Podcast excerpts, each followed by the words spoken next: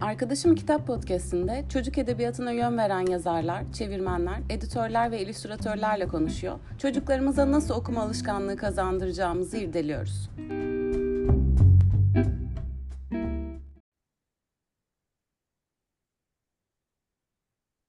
Arkadaşım Kitap Podcast'inin 8. bölümüne hoş geldiniz. Bu bölüm konuğumuz Sepin Sinanlıoğlu ve Ayşe Deniz Şahin. Sepin hem çocuk hem yetişkin kitapları yazıyor. Ağıtların Tanrısı, Noah'ya Mektup, Noah, Monark, Kelebekleri ve Her Şeyiyle Noah, Kirpi ve Sarı adlı kitapların yazarı. Posta Poetika yazarı ve kurucu ortağı. Ayrıca Sepin Kafası isminde bir podcast'i var. Podcastlere de yabancı değil. Bunlara ek olarak Ot dergisinde yazılar yazıyor. Deniz ise konsept tasarımlar yaratan bir illüstratör. Yarattığı eserlerle sergiler ve workshoplara katılmakta. Çocuk kitaplarına da illüstrasyonlar yapıyor. Sepin ve Deniz geçtiğimiz aylarda Doğan Çocuk Yayınları etiketiyle yayınlanan Noa'ya Mektup isimli kitabın yaratıcıları. Hoş geldiniz öncelikle. Merhaba, hoş bulduk. Merhaba, hoş bulduk Deniz. Çok teşekkürler. Evet, kitaptan başlamak istiyorum. Noa'ya Mektubun yazarı Sepin, resimleyen ise Deniz. Siz nasıl tanıştınız? Kitap süreci nasıl gelişti sizin için? Yani bir yazarla illüstratör nasıl çalışır?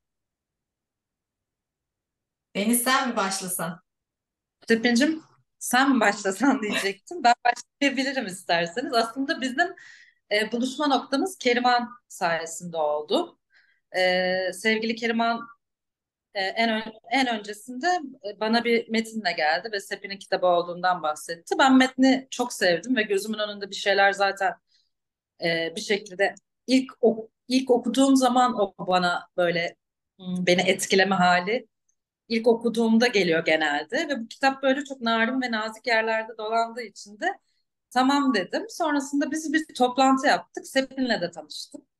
Ve böyle çok tatlı bir toplantı toplantı toplantı yaparak ilerlediğimiz bir kitap çizim süreci oldu aslında. Ee, bir şekilde de sanırım tam bir üç ay verebiliyoruz. Süre olarak tam böyle bir e, küsuratsız bir üç ayda e, haftada iki gün, üç gün toplantıyla bu süreci tamamladık. Böyle Sepi'nin de katacağı şeyler vardır belki. Yani şöyle burada evet Keriman'ı, Keriman Güldiken'i bir anmak lazım. Ee, benim e, ikinci kitabımın e, yani onunla birlikte ikinci e, kitap çalışmamdı bu. Editörümüz çok kıymetli bir insan. E, birbirimizi de e, ya Ayşe Deniz sen çalışmış mıydın Keriman'la daha evvel? Çalışmıştın galiba değil mi? Keriman'la benim ilk tanışmam oldu. Keriman sen ben ilk defa Doğan ha, Kitap'la tamam. Tamam o seni ama bayağı biliyordu demek ki seni yakın arkadaşı almış ve takip ediyordu. Ee, yani Keriman'la editörle özellikle hani belki birazcık e, işin daha profesyonel tarafı için dinleyenlere de e, bir şey ifade eder bu söylediklerim. Yani editörle e, aynı dili konuşmak, e, aynı şeyden bahsedebilmek çok önemli. Yani Keriman'la mesela o kimyayı ben aramda çok hissediyorum.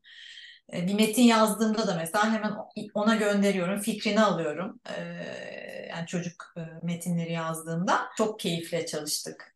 Bilmiyorum benim için yani üç ayda bunu bitirebilmiş olmak zaten bayağı bir mucize yani. Çünkü üçümüz de çok titiziz. Böyle şey o yüzden güzel çalıştığımızı düşünüyorum. Evet bir de çok fazla kadın toplantıları gibi bir şey oldu aslında. Sadece kitap değil, hayata dair de bu kış dönemi e, benim için böyle kendi adıma böyle destekçilerim oldu Sepin. Bir şekilde bir arkadaş ilişkisine de dönüştü üç ayın sonunda. Sevdiğimiz bir şey de çıktı. Beni çok mutlu eden. En azından yaza girişimiz böyle. Mayıs ayında çıktı çünkü kitabımız. Yaza güzel bir giriş oldu Noah. Noah da arkadaşım oldu bu arada. Dört kişi. Noah beş kişiydik hatta. Noah ve annesi de. evet.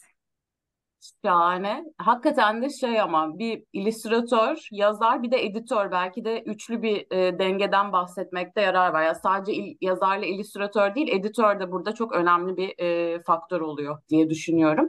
Kitaptan biraz devam edelim o zaman. Noah'ya mektupta Noah bir gün okuldan eve geldiğinde annesi onunla oynamak istemiyor.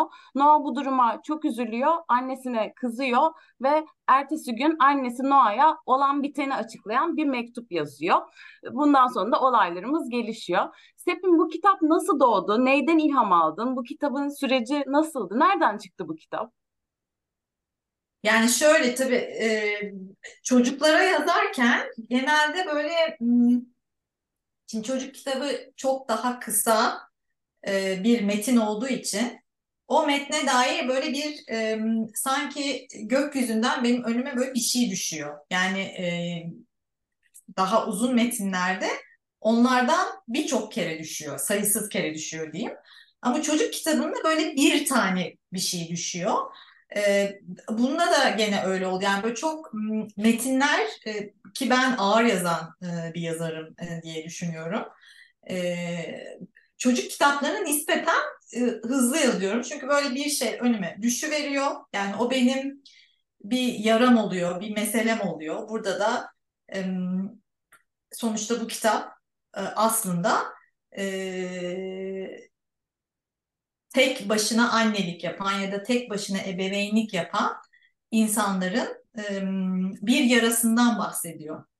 Ve çocuklara oradaki yani çocuklar için yazılmış bir kitap ama çocuklara oradaki meselenin sevgi eksikliği değil başka bir şey olduğunu anlatıyor. Ben de tek başına e, ebeveynlik yapan e, bir kişiyim. İki çocuğa tek başına ebeveynlik yapıyorum. Bu tabii ki benim içimde çok döndürdüğüm bir konu. O yüzden e, bu konu böyle bir gün e, dediğim gibi sanki gökyüzünden böyle bir göktaşı düşüyor. E, ve e, Manolya imgesiyle buluştu. Yani ben imgeyle e, düşünüyorum. Yani önüme böyle görüntüler düşüyor yazarken. Manolya e, imgesi de düştü ve bu yara da böyle düştü gibi yani bir böyle paket gibi bir şey düştü önüme ve öyle yazdım. İşte sonra dediğim gibi genelde çok çiğ hallerini bir Keriman'a gönderiyorum. Bunda malzeme var mı Keriman diyorum. Çünkü dediğim gibi o yani sen dünyanın en güzel şeyini yazarsın ama e, onun yayınlanabilir bir malzeme olup olmadığı özellikle çocuk kitabı e, konusunda yani roman, edebiyat onlar hani yetişkin edebiyatı daha farklı. E, ama orada e, editörün ne dediği ne dediği çok önemli. E, ve işte sonra Keriman'a gönderdim. Oradan devam ettik diyeyim. Peki Deniz'e sorum var. Deniz sen lisansını seramik cam, tasar cam tasarımı üzerine yaptın. Peki kitaplarla tanışman nasıl oldu? Yani kitaplarla tanışman derken kitap resimlemeye ne zaman başladın? Nasıl gelişti bu? Aslında e, şöyle biraz organik olduğunu söyleyebilirim. Çok benim elimde olan bir şey değil ama bir şekilde ben seramik cam tasarım bölümünden mezun olduktan sonra bir sene bir asistanlık yaptım.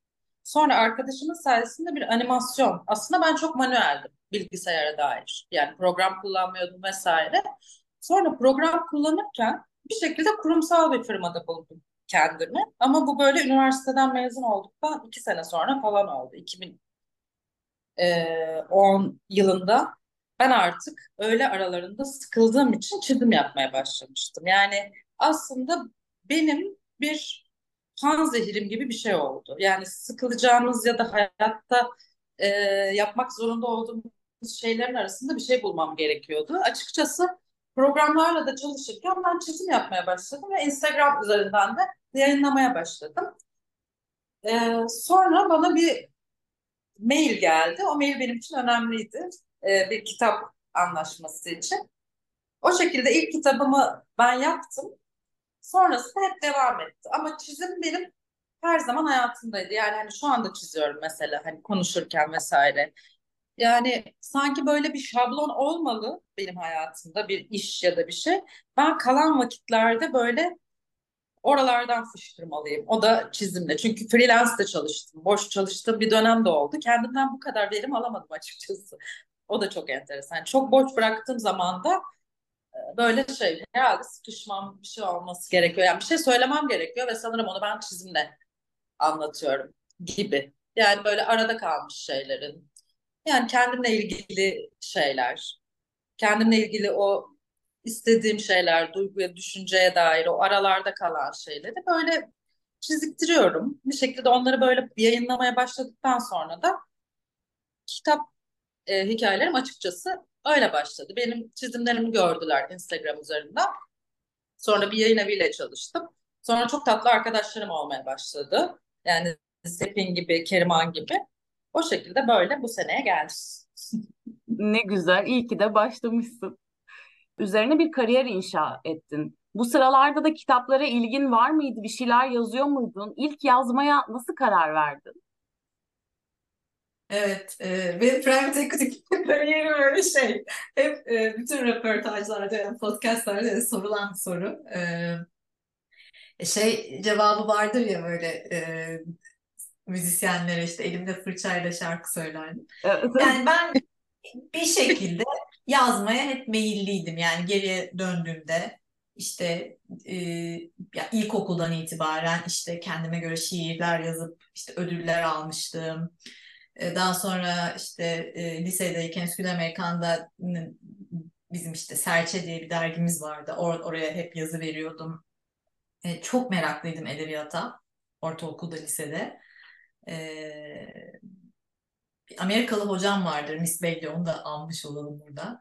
Ee, yani onunla e, çok e, farklı metinler okumuşluğum var e, lise ve ortaokul hayatımda. Yani o beni yazmaya hep teşvik eden öğretmenlerden biridir ya da belki de asıl öğretmen oydu. İşte hatta şöyle bir anım var. Bir gene ortaokulda bir şiir yarışmasında, İngilizce şiir yarışmasında işte göndermiştim şiirimi ama şiddet içeriyordu. Şimdi tabii e, o zamanlar yani benim e, ortaokul senelerim çok önce yani tahmin edersin ki o zamanlar böyle bu kadar e, özgür e, yani şimdiki özgürlük de tartışılır da daha farklı bir ortam vardı diyeyim ve e,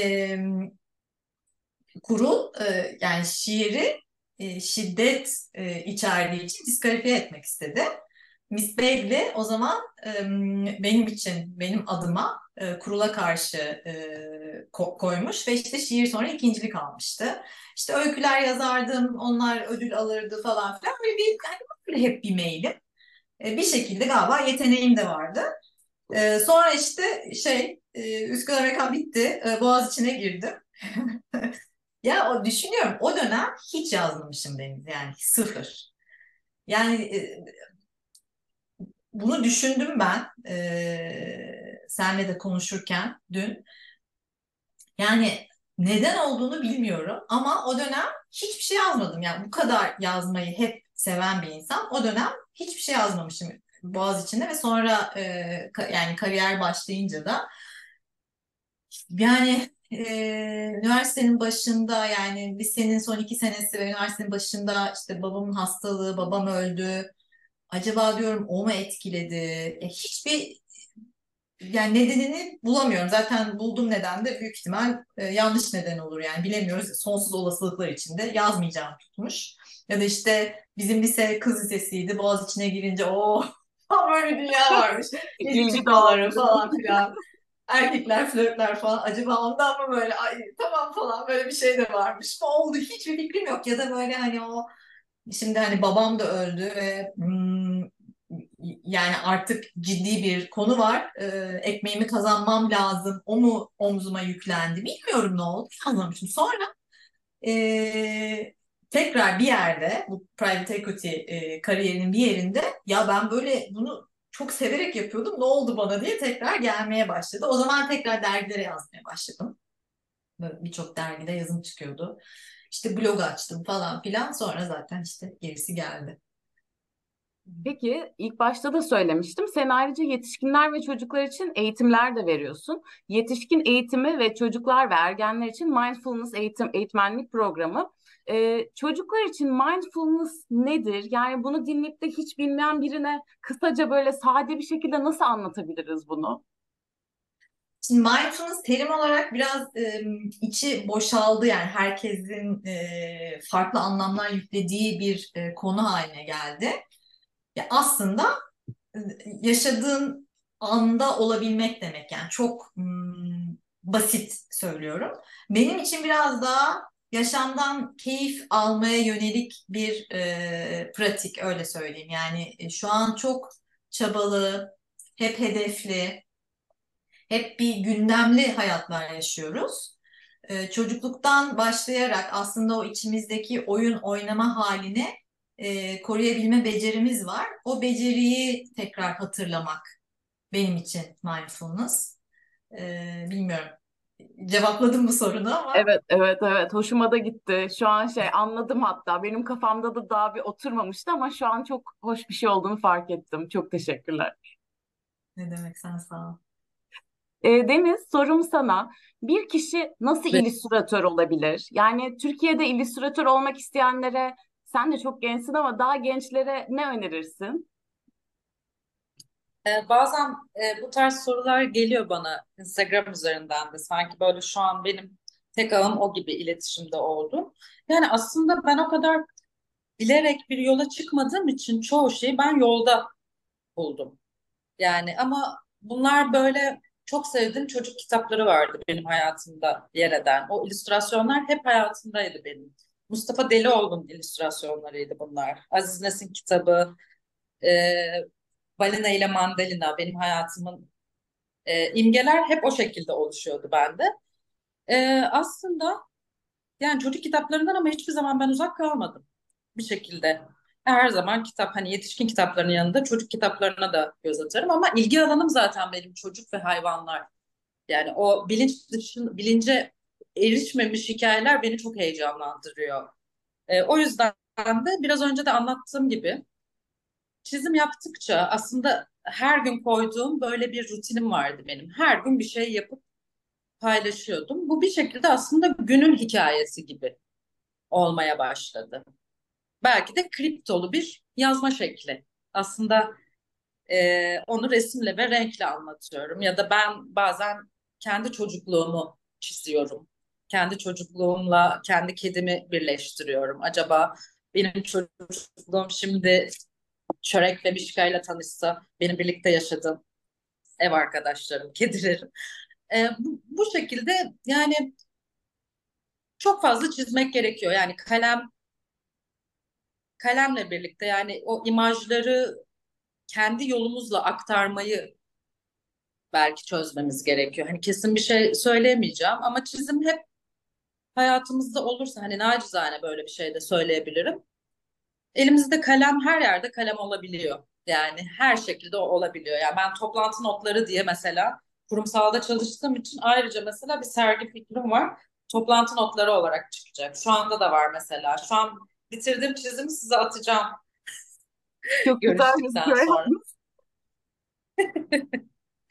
Bu şekilde ilerlediğimiz zaman yani ben herhangi bir e, o belki de görülüyor, belki de şans, belki de tesadüf. Ama birazcık ben çizim yaparken de çok fazla şablonla gitmem. Sepin de biliyor aslında. Sepin ve Keriman'la da ilerledik. Mesela eskizlere sadık kalan bir insan değilim.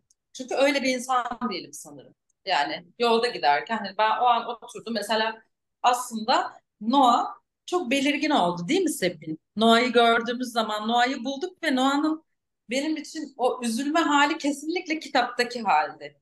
Annesinin mektubunu okuduğu zaman acaba acaba sorusu ee, bir şekilde sonunda sevdiğin şeylere ve sevdiğin cümlelerle karşılaşıyorsun, sevdiğin insanlarla karşılaşıyorsun. Biraz önce de söylediğim gibi belki şans, belki tesadüf ama kalemden hiç ayrılmadım. Yani bir şeyleri çizme konusunda e, hep elim ayağımda hani bir şekilde yanımda yöremde hep şey vardı ve tatlı insanlarla karşılaştım. Bu şekilde söyleyebilirim. Siz, Keriman. Keriman da, Keriman'ı gerçekten anmadan geçemeyeceğim. Keriman da bizim kraliçemiz. Öyle söylüyoruz. Hakikaten öyle. Kiriman'ı da tekrar analım buradan. Sepin, sana bir Evet. sorum var. Sen sadece çocuklara değil, yetişkinlere yönelik de kitap yazıyorsun. Yetişkinlere yazmak ve çocuklara yazmak tamamen farklı değil mi? Nasıl bir farklılıklar var senin için? Yani yazma aşamasında ne değişiyor senin için? Bir şey değişiyor mu? Yani aslında evet çok çok şey değişiyor. Çünkü şöyle ben çocuklara da resimli çocuk kitabı yazıyorum. Yani bir hani oradan zaten bir fark var. Şimdi şöyle sonuçta edebiyat benim gözümde bir üç sac ayağı var. İşte bir hikaye var, e, duygu var, dil var. Ama onların hepsi araç. Yani onların üçü e, çok güzel bir araya geldiğinde evet çok iyi edebiyat oluyor. Ama benim asıl önemsediğim e, samimiyetle e, meseleni masaya koyabiliyor musun? Yani yazar olarak. Yani o meseleyi ve onu samimiyetle ortaya koymayı çok önemsiyorum. Ve hep e, pusula o oluyor benim. E, şimdi yetişkin için yazarken bu dediğimi yaparken yani e, yetişkinin elinden çok tutmak gerekiyor. Çocukta bu meselenin samimi olarak aktarımı e, çok daha basit olabiliyor. Kolay demeyeceğim ama basit olabiliyor. Bir e, okur kitlesinin farkından dolayı böyle bir ayrım var. Bir de demin dediğim yani ben resimli çocuk kitabı yazdığım için ve e, sonuçta yani edebiyat benim için imge dünyamı aktarmak sözcüklere. E, orada resimler de benim elimden tutuyor. Çünkü yani bir illüstratör var, onun resmettiği bir dünya var. O e, benim kafamdaki imge dünyasının okura, çocuğa geçmesinde benim elimden tutuyor. Yani sadece benim sözcüklerim yok. Beni destekleyen çok büyük bir şey var. Diğer tarafta yalnızım. E, desteksizim. O üç sayaca, sac ayağındaki işte duyguyu, hikayeyi, dili çok iyi kotarmam lazım. Anlatabiliyor muyum? Öyle öyle bir, iki sanki büyük fark var. Bilmiyorum anlatabildim? Yok yok çok çok güzel anlattın. Ee, son sorum ikinize de soruyorum bunu. Günümüzde klasik hep konuştuğumuz şeyler ama çocukların zaten okul dışı çok az zamanı oluyor. O zamanlarında da kitap okumaktansa ekrana bakıyorlar. İşte telefona bakıyorlar, tablete bakıyorlar. Özellikle son yıllarda bu daha fazla olan bir şey. Ee, sizce çocuklara nasıl okuma alışkanlığı kazandırabiliriz? Ben mi başlayayım Deniz? Tamam. Tabii. Yani şöyle benim yetişkin eğitiminde de çok söylediğim bir şey. Sırf bu konu için değil. Yani e, neyi modellediğin çocuğa, evdeki ahaliye e, çok önemli. Yani sen kitap okuyorsan büyük ihtimalle çocuk kitabı okuyor. Yani ben bunu çok direkt gözlemliyorum kendi hanemde. Ama bizler de o dünyanın fazlaca içindeyiz. Yani bizim elimizden de telefon düşmüyor. Biz de işte ne izliyorsak izliyoruz. Yani öyle bir e, halden farklı bir e, çocuk çıkmasını beklemek zaten gerçekçi değil.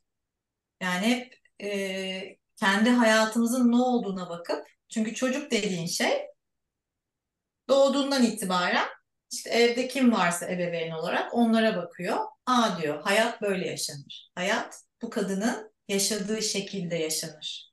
Ben hayatı nasıl yaşayacağımı bu kadından ya da neyse işte bu adamdan öğreniyorum. Öyle bakıyor yani. Ee, okul bir yerde evet devreye giriyor ama yani nispeten geç bir yaşta devreye giriyor ve nispeten daha kısıtlı bir etkisi var. Yani çocuk değerlerini, hayatın ne olduğunu, ilişki nasıl yaşanır gibi çok temel şeyleri hep senden öğreniyor. Yani e, okulda öğrendiği şeyler bambaşka şeyler ve tabii ki bunları da destekliyor. O yüzden bu konunun da tamamen modellemekle alakası olduğunu düşünüyorum. Yani senin elinde kitap görüyorsa ona göre bir şey seçiyor. Eğer senin elinde daha fazla işte televizyon, neyse iPad, elinde televizyon, telefon, işte iPad vesaire görüyorsa farklı bir yere gidiyor ama e, şeyi de yatsımamak lazım. Yani tabii ki bizim gençliğimize, bizim çocukluğumuza göre çok daha fazla hakimler konuya, e, çok daha o dünyanın içindeler. Yani orada herhalde ben tavsiye vermeyi hiç sevmem de şimdi biraz eğitmen sepin konuşuyor. Yani biraz böyle dengeli bir şekilde e, bir ayar tutturmak lazım ve her ailenin ayarı da farklı. Doğru. Deniz sen ne söylemek istersin?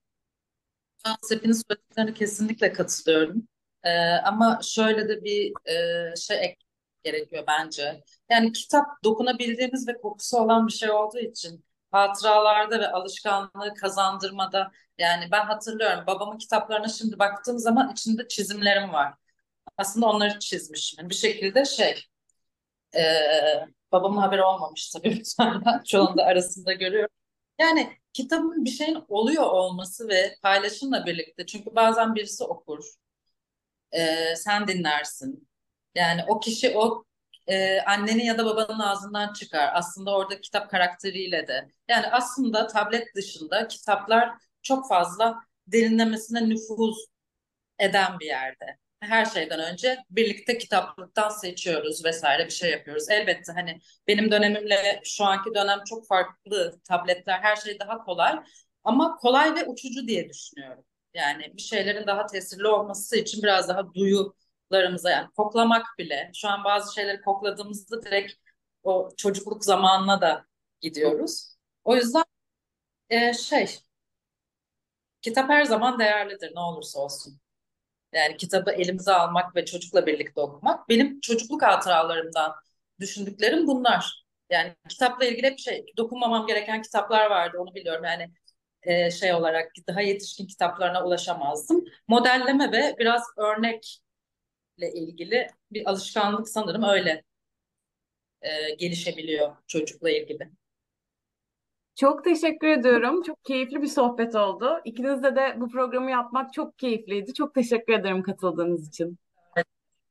Ben de çok teşekkür ediyorum kendi adıma. Çok teşekkürler. Sağ Ben de Deniz. Çok çok sağ ol. Çok keyifliydi benim için de.